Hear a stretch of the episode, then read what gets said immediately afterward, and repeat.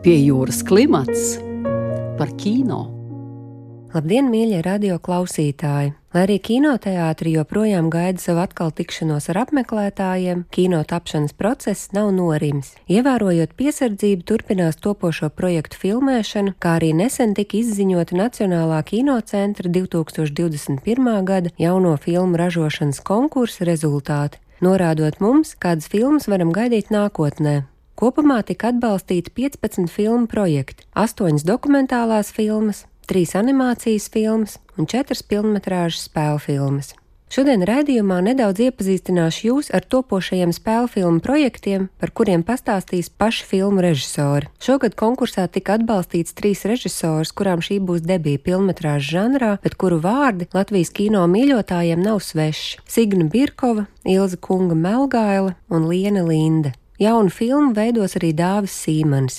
Lielākā daļa projektu savu galveno filmēšanas periodu uzsāks nākamgad, šogad veicot nepieciešamos sagatavošanas darbus, koproducentu meklējumus, aktieru provis un radošās komandas nokomplektēšanu.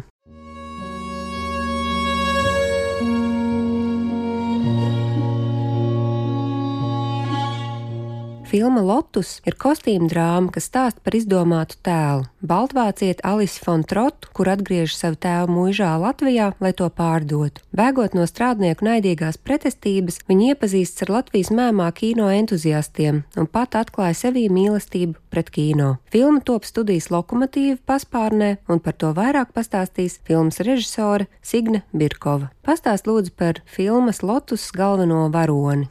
Portāls Delfī, manuprāt, bija ierindā veidojis filmas Latvijas galveno varonu jau starp vēsturiskiem personāžiem. Tas nozīmē, ka vēstures grāmatas būs jāpāraksta, it sevišķi kino vēstures grāmatas, jo nu šāds cilvēks nav nekad dzīvojis šajā teritorijā. Bet kāpēc gan nepasludināt viņu par vēsturisku personāžu? Vai tu savā filmā tomēr ieliec arī kādus vēsturiskus faktus vai personāžus? Vēsturiski fakti šajā filmā nav, bet šajā filmā darbosies trīs vēsturiski personāži, bet viņi nekad nav nokļuvuši šādās situācijās, kādās viņi tiks ielikti šeit. Un, proti, tas ir aizpagājušā gadsimta mistiķis un mega guru Georgijas Gudžijevs, kuram ir nozīmīga loma galvenās varonas transformācijas ceļā. Un tad ir īstenībā arī latviešu nacionālisti, cinematogrāfisti, Vils Segliņš, Kārlis Kārkliņš un Arnolds Tālīts. Arī šie cilvēki ir izkāpuši no īstās latviešu kino vēstures. Vai viņi bija šādās situācijās? Visticamāk, ka nē. Jāpiemina tomēr arī Piotrs Čerdīņins, jā, kurš arī ir pavisam tāds liels mēmā kino spīdeklis, bijis vēl cara laikos, un viņš patiešām ir filmējis Latvijā, bet tās situācijas, kuras viņš piedzīvo šajā filmā, visticamāk, ka viņi nav notikušas. Vai tev jau ir skaidra galveno lomu atveidotāja? Eiropā un Krievijā pazīstamā lietuviešu aktrise Severija Janušauskaita, kas ir jau ļoti skaisti parādījusies arī Jevgeņī Paškeviča filmā Tad uh, galvenajā vīrieša lomā būs ģeniālais latviešu aktieris Vils Daudziņš un uh, daudzi citi burvīgi aktieri. Esmu ilgus gadus sapņojis filmēt šos burvīgos māksliniekus, un man noteikti jāpiemina, kā milzīgs prieks, ka beidzot, beidzot būs iespēja strādāt kopā ar Daigu Kažociņu, brīnišķīgu aktrisi. Bija cilvēki, kuriem bija uzrakstīts lomas tieši viņiem, un es domāju, nu, tā ir arī Severija. Vils Daudziņš un arī loma tika uzrakstīta speciāli Āram Matisovičam.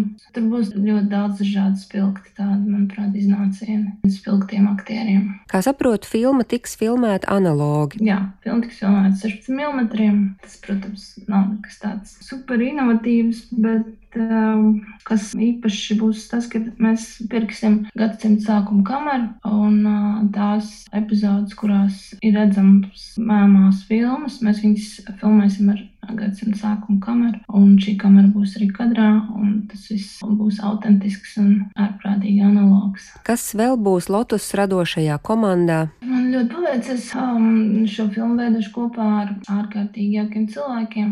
Šo filmu filmēs Mārtiņš Jurevits, filmas mākslinieks būs Mārtiņš Strauba, filmas producents ir Roberts Vinovskis un Dominiks Janmakovičs. Filma top studijā Lokomotīva Un uh, filmas kostīma māksliniece ir Jurita Silikaktiņa, grima māksliniece Ilze Trumpe. Es atvainojos tiem, kurus es neesmu pieminējusi, bet uh, mēs visi satiksimies, kam vajag. Pie jūras klimats par kino. Studijas mistrus mēdīja jaunākais projekts Marijas klusums ir vēsturisks trillers, kura darbība norisinās 20. gadsimta 30.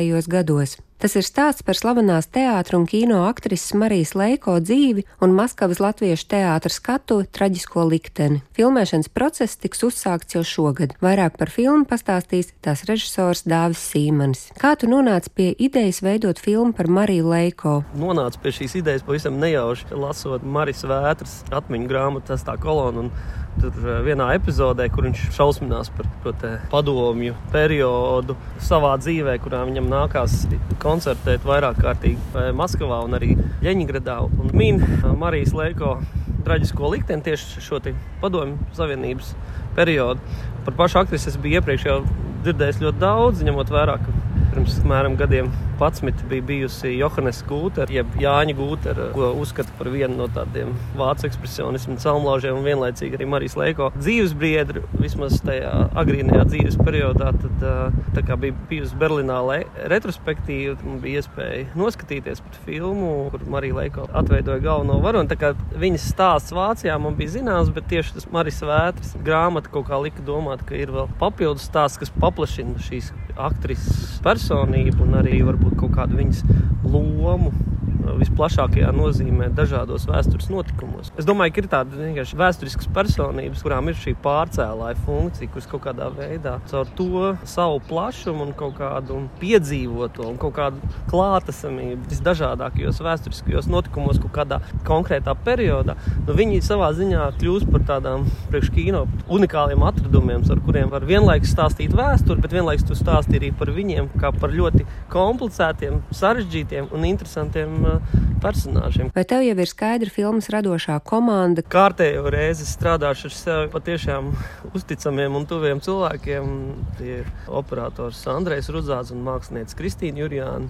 Mūsu līdzinējā darbība tikai ar vienu no jaunu pierāda to, ka ir tāda savstarpēja sapratne no pusvārda vai pat bez vārdiem, ka mēs zinām, ko mēs gribam un kaut kā tā kopīgā interese par vēsturi kas arī mūs vieno. Tas pilnīgi noteikti ir kaut kāds tas pamats sastāvs. Arī aktieri mums ir daļēji zināmi.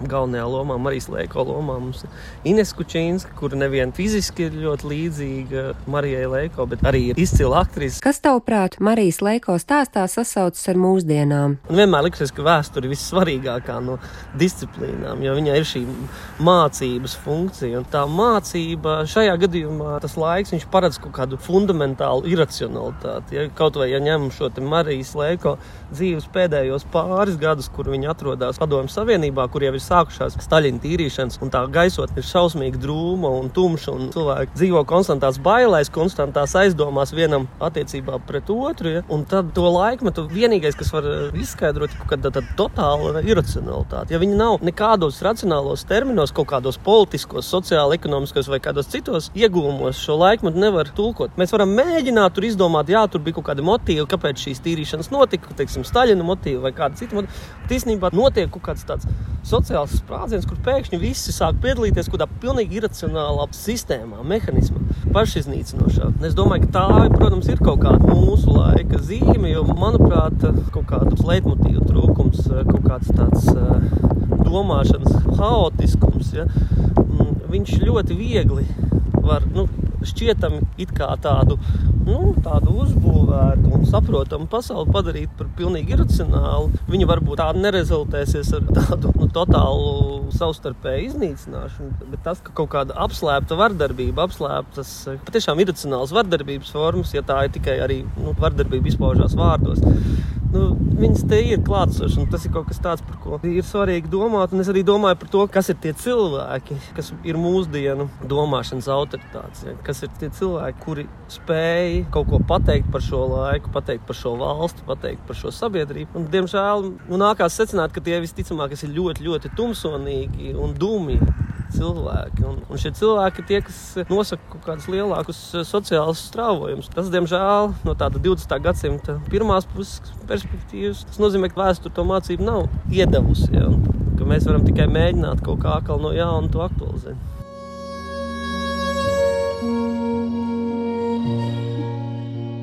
Filma dzīve pārtraukta, studija tasa filma ir balstīta atmodas laika personības polietis Itis Kozakevičs biogrāfijā. Šis ir stāsts par spēcīgu personību, kur nonāk neapskaužams izvēles priekšā. Par filmu vairāk stāsta tās režisora Ilza Kunga Melgaila. Kā jums radās ideja filmai dzīve pārtraukt un kā jūs nonācāt pie Itis Kozakevičs stāsta? Jā, nu domājot par Itu Kozakeviču, Es nedomāju sākotnēji par filmu. Kaut kā vienkārši tas laiks satikt, tas bija kāds 5, 6 gadus jau atpakaļ, ka kaut kā viņa man attāvs atmiņā. Es pat nezinu, es centos atcerēties, kādēļ tieši viņa, vai es redzēju kādu dokumentālu materiālu no atmodas laika, ja dokumentāliem kaut kādiem filmējumiem vai kaut kas, bet katrā ziņā tas jau gan bija kāds desmit gadus atpakaļ, ka es Tautas fronts muzejām taisīju vienu tādu materiālu skolām, tad tur bija no kinožurnāliem padomu Latvijas savākt. Visi tie atmodas um, filmētie materiāli, kas nu bija. Un viens no tiem arī bija, kur runāja Ita Kozakēviča tautu fórumā. 88. gads, man tā liekas, tas ir. Un tad es tā skatījos uz viņu, atceros un domāju, kāda drosmīga sieviete. Tas vēl nebija ne 90. gads, ne pat 89. un ka viņa tā ļoti skaidri izteicās par to, kā vajadzētu lietām notikt Latvijā.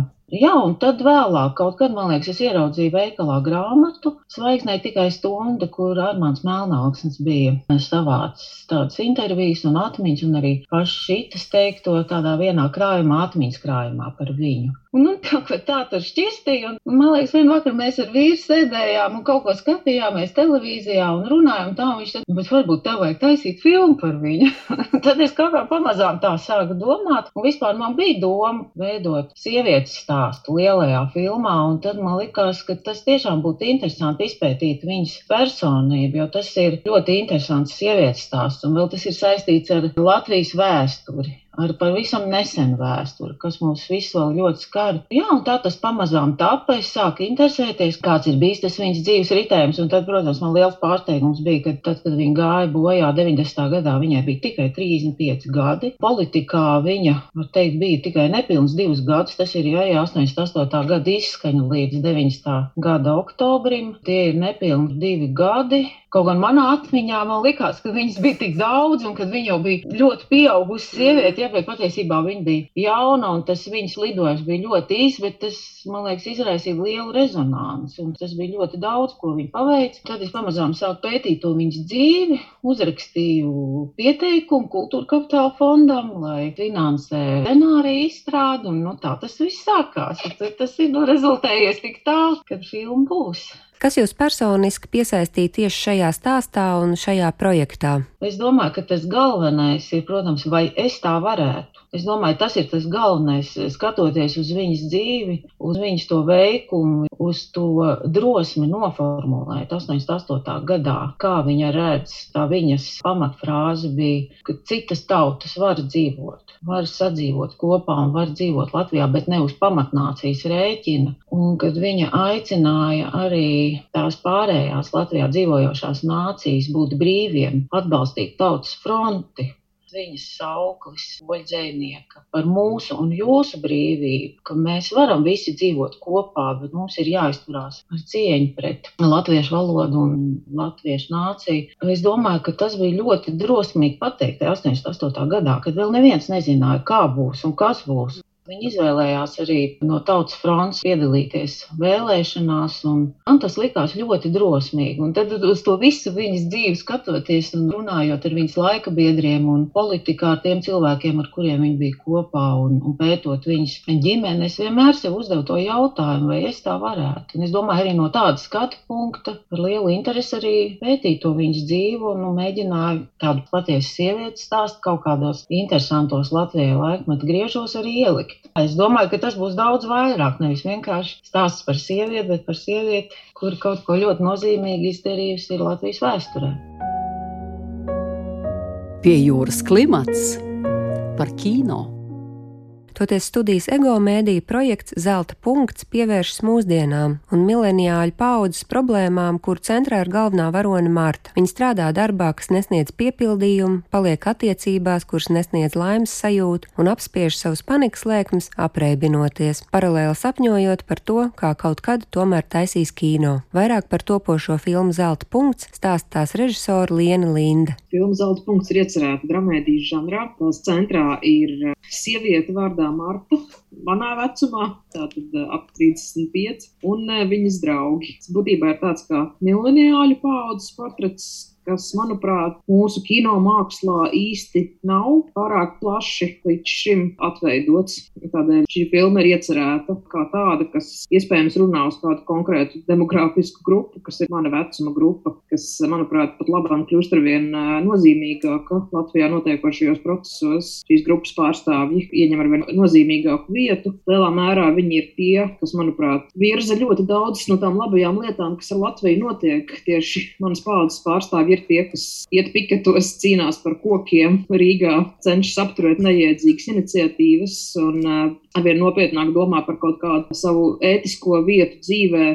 Šī ir arī paudze, kas pirmā sāk iet pie psihoterapeitiem un uh, sākt skaļāk runāt par kaut kādām lietām, par ko līdz šim nerunāja. Ir uh, ārkārtīgi vērtīgi un interesanti par šo manu paudzi runāt. Jo arī gan es, gan arī daudz manas paudzes pārstāvji diezgan bieži mēs spriežam, ka mēs tā īsti savu filmu līdz šim neesam saņēmuši. Tādu filmu, kas būtu veltīta mums, kas nebūtu par kaut kādām varbūt ļoti abstraktām problēmām, bet gan tiešām par cilvēkiem šeit un tagad, šodien. Tā ir iecer, ko es vēlos panākt ar filmu Zelta punkts. Kas ir galvenās varonas Martas virzītājs spēks šajā stāstā, un vai tu esi izmantojis arī autobiogrāfiskus elementus? Jā, stāsta dramaturgiskais sižets balstās tajā, ka galvenā varone ir eh, nerealizējusies kinorežisore, un uh, filmas gaitā mēs sekojam viņas sapnim uzņemt pašai savu filmu. Un to, vai tas izdosies vai nē, varēs redzēt filmas beigās. Protams, ka līdz ar to tur ir daudz autobiogrāfisku momentu no savas dzīves, bet uh, es domāju, ka tas nav tik būtiski, ka tā ir tieši kino režija, kas ir galvenās varonas sapnis. Es esmu izmantojis tieši šo konkrēto elementu, tādēļ tā ir pasaule, ko es labi pazīstu, bet principā, ja kāds cits sapnis, manuprāt, arī tā vietā derētu. Tādēļ, ka filmas gaitā varoni cenšas pie tā nonākt. Viņi grib uzņemt filmas, taču dzīve nepārtraukti stāv stājas ceļā, stājas ceļā kaut kāda ikdienas realitāte, naudas trūkums, rūpēšanās par citiem, problēmas pašam savā dzīvē, tad ir galvenā varone netiek pie sava sapņa, Nav būtiski, kas ir tavs sapnis. Man liekas, ka ļoti daudziem cilvēkiem var rezonēt vienkārši tas, ka mēs par kaut ko sapņojam, taču tas mūsu sapnis nav tā ļoti viegli aizsniedzams ar vienu tādu rokas stiepienu. Ceļu pie tā, kas ir tavs sapnis, kas ir tavs sapņu piepildījums, un kas ir kaut kādā ziņā arī tāda autentiskā sevis atrašana. Manuprāt, tas ir kaut kas tāds, kas varētu būt aktuāls ikvienam skatītājam, neatkarīgi no tā, vai viņš ir kaut kādā ziņā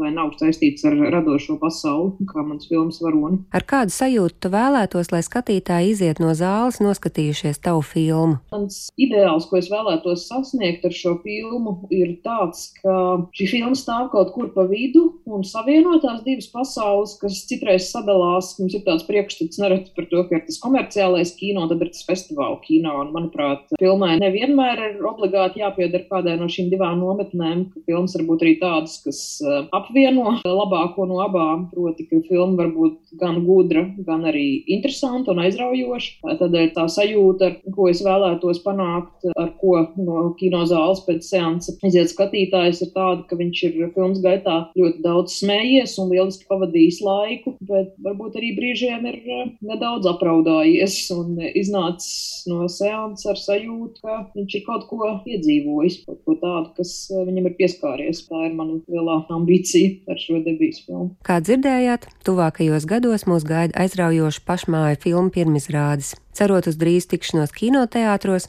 es no jums atvedos līdz nākamajai reizei.